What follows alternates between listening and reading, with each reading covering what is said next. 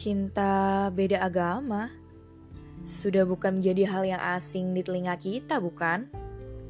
Jangankan untuk menikah, baru menjalani hubungan pacaran aja udah banyak pertentangan yang diterima, baik dari batin sendiri maupun dari keluarga, teman, hingga orang lain yang melihat hubungannya seakan menentang. Cinta beda agama memang selalu mengundang banyak kontroversi dan sering menjadi topik yang hangat untuk dibicarakan. Hidup di tengah kondisi yang mengharuskan kita berada di lingkungan yang beragam dan membuat kita bertemu dengan berbagai jenis orang, memungkinkan seseorang punya hubungan yang baik dengan orang lain, termasuk dengan orang yang berbeda keyakinan dengannya.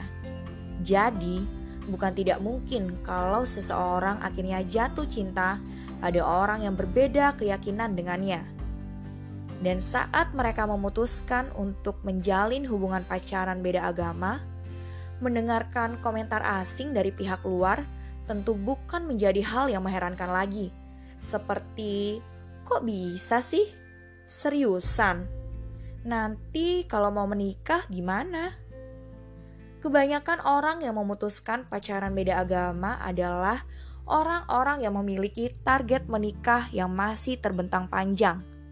Apalagi saat itu mereka sedang sibuk dengan perasaannya yang bahagia dan berbunga-bunga. Saking bahagianya, mereka cenderung menanggapi masalah perbedaan agama dengan santai.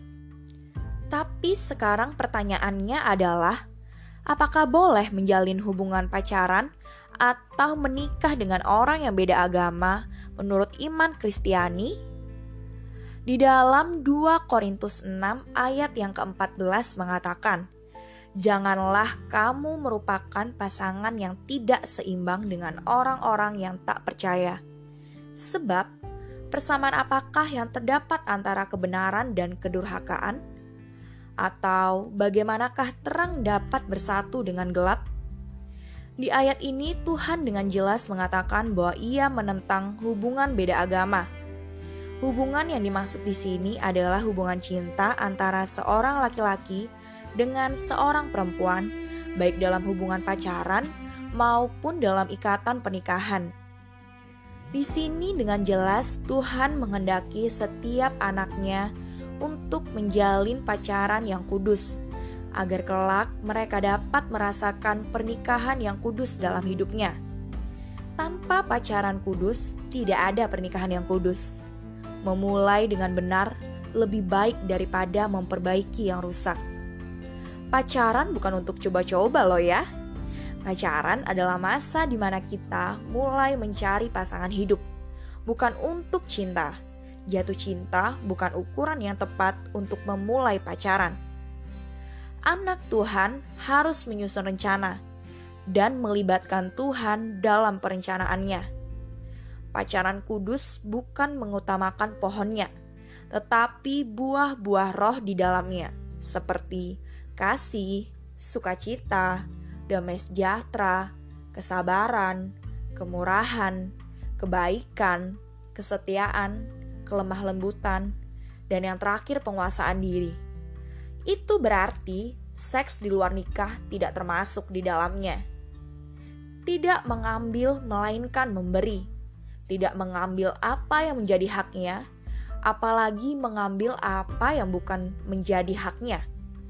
Memelihara kekudusan ada upahnya, yaitu di hari pernikahan kita layak menerima penyertaan Allah, berkat finansial, dan juga berkat anak cucu. Lalu, apa yang harus kita lakukan untuk membangun hubungan yang benar? Yang pertama adalah berdoa. Berdoalah pada Tuhan dan libatkan Tuhan sebagai pondasi dasar dalam hubunganmu. Dan minta petunjuk kepada Tuhan apakah orang itu adalah orang yang tepat untuk berada di sampingmu.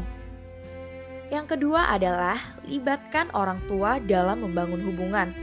Tapi jangan terlalu dalam ya, yang ketiga, libatkan pemimpin rohanimu dalam hubungan sejak masa prapacaran, agar pemimpin rohanimu dapat berdoa dan berjaga-jaga atas jiwamu.